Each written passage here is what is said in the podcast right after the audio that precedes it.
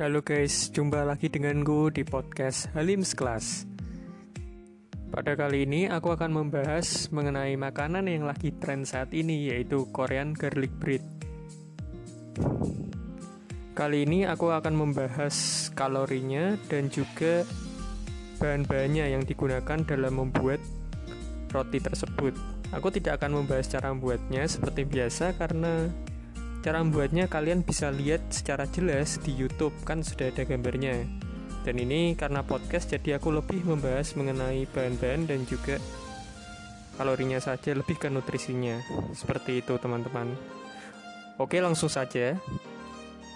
Bahan yang pertama untuk membuat roti itu ada tepung protein, ada yang kadarnya tinggi dan sedang, gula pasir, garam, ragi, lalu minyak goreng, kemudian madu.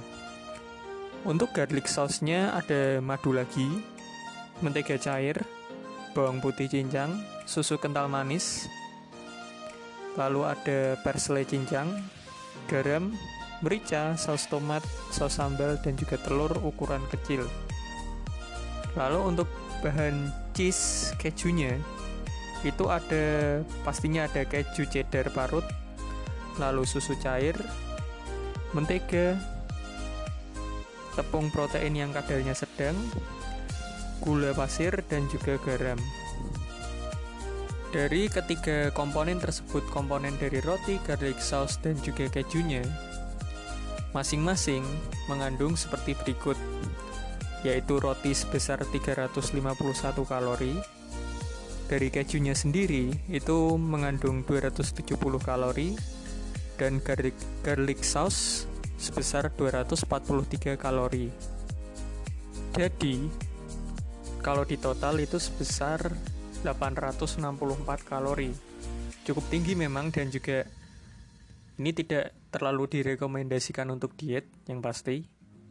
Tapi ini juga bisa dimakan untuk sebagai pengganti nasi sih. Karena kalorinya yang tinggi tersebut.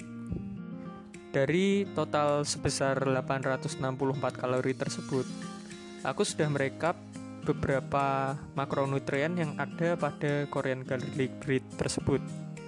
Di antaranya, nah 864 kalori itu bisa dibagi menjadi karbohidrat yang sebesar 166,7 gram, serat sebesar 5,2 gram, gula sebesar 35,5 gram, protein sebesar 33,9 gram, lemak sebesar 73,6 gram, dan 1756 mg natrium.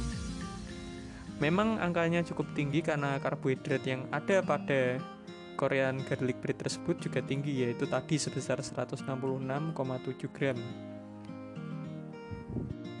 Oke, mungkin itu saja podcastku pada chapter kali ini. Semoga ke depannya aku bisa kembali dengan podcast-podcast yang lebih edukatif, lebih inovatif, dan juga tentunya menarik buat kalian semua. Stay healthy, stay safe everyone, dan thank you.